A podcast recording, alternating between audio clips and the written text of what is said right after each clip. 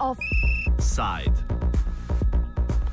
Mednarodno sodišče Združenih narodov je razsodilo, da raziskovalni program JARPA 2 ni v skladu z moratorijem na kitolov, ki ga zahteva Mednarodna komisija za kitolov.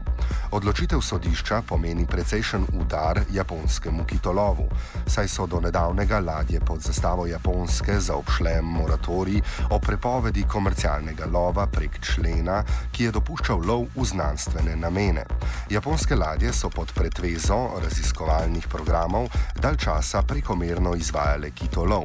Zato aktualna razsodba sodišča pomeni problem oziroma prelomen trenutek v zagotavljanju trajnostne ribiške industrije.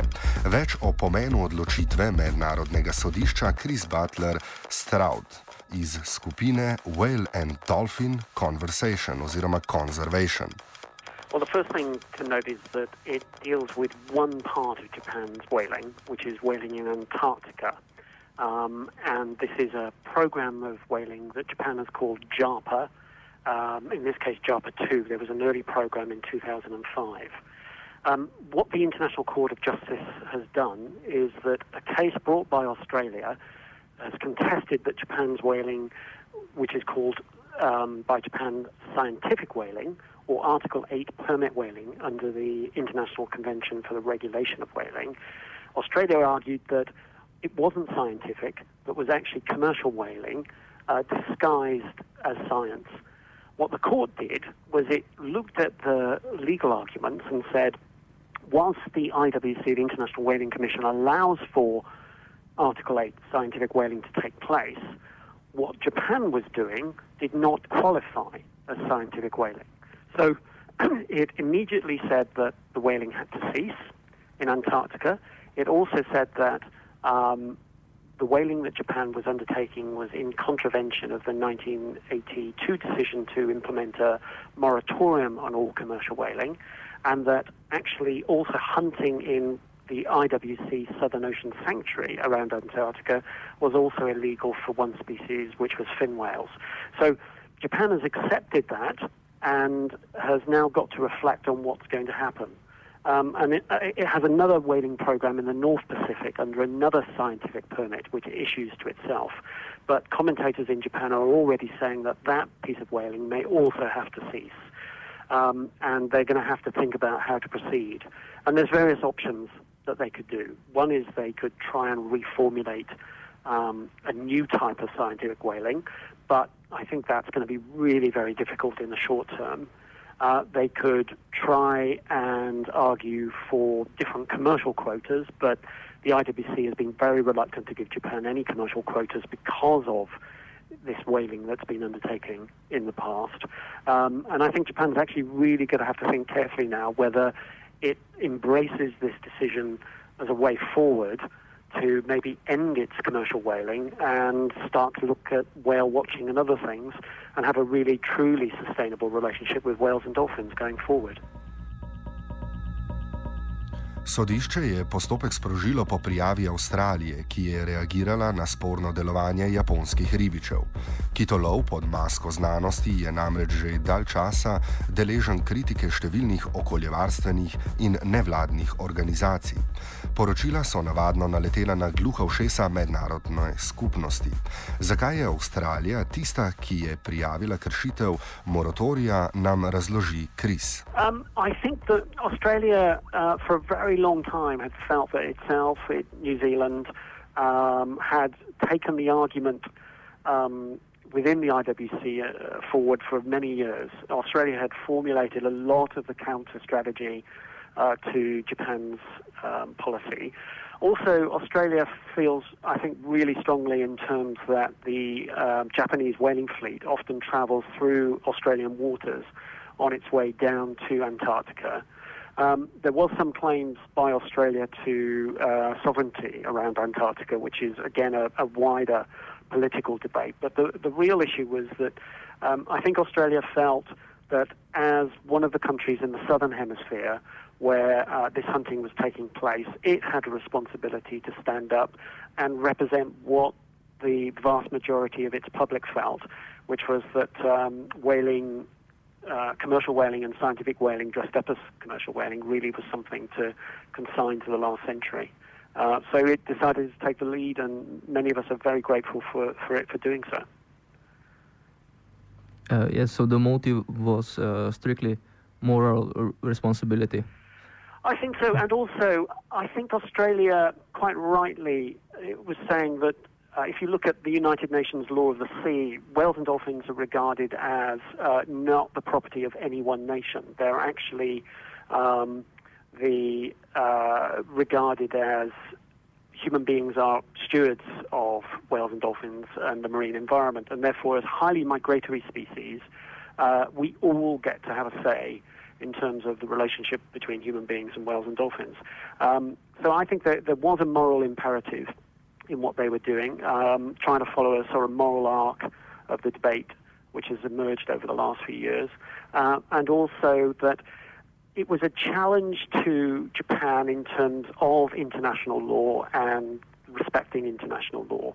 So the IWC had repeatedly, year after year, um, asked Japan to cease this whaling. Japan had refused, um, and Australia wanted to make a point in terms of international law that you just can't do that now. You can't have a convention where countries are coming together to try and work through problems, and for one or two countries just to ignore the majority. Vendar pa Japonska ni edina država, nad katero se zgražajo borci za pravice živali. Kitolov je praksa mnogih držav, večinoma predvsem v okvirih kulturne dediščine staroseljcev. Islandija in Norveška pa so poleg Japonske edini državi, ki ohranjajo kitolov v komercialne namene. Globalna slika kitolova ostaja problematična, staroselsko življenje podlega turističnemu popraševanju, komercialnemu lovu pa se ni pripravljena odpovedati nobena izmed držav. Več Chris Butler Stroud. This, this is correct. There's, there's two other countries that um, commercially hunt whaling openly, and that is Iceland and um, Norway. Norway has what's called a legal objection, which under the IWC rules allows it to disregard the moratorium decision.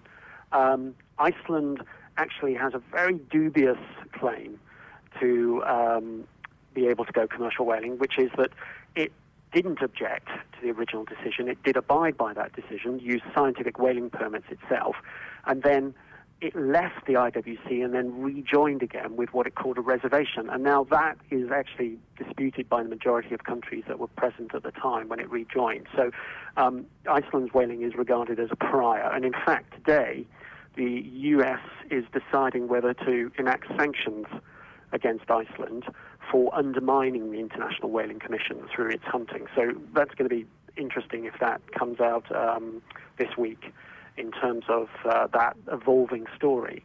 Um, other countries, including the US, Russia, St. Vincent and the Grenadines, uh, Greenland, uh, have what is called Aboriginal subsistence whaling. And these are for native peoples um, who have had a long term uh, nutritional and subsistence requirement to um, kill whales as part of their daily diet.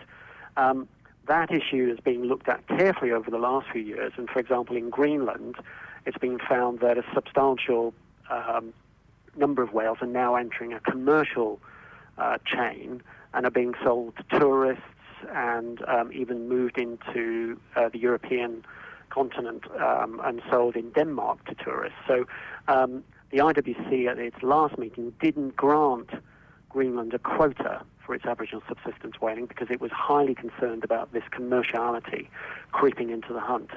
The IWC says if you need to eat whales and it's for a subsistence need, then that's the one exception that you can have at the moment. Um, if it's a case of it's becoming commercial and people are making a profit out of it, and that incentivizes people to kill more whales, then um, that shouldn't be taking place. Um, there are unregulated hunts around the world as well. Um, Canada has a, a, its own version of an ASW hunt, but isn't a member of IWC, and there are hunts in places like the Philippines. And in some of the smaller whales and dolphins, we're seeing hunts uh, growing around uh, the African coast um, and around Asia. Vendar pa se stvari premikajo v ugodni smeri. Pokazatelj tega pa je ravno aktualna sodba sodišča Združenih narodov.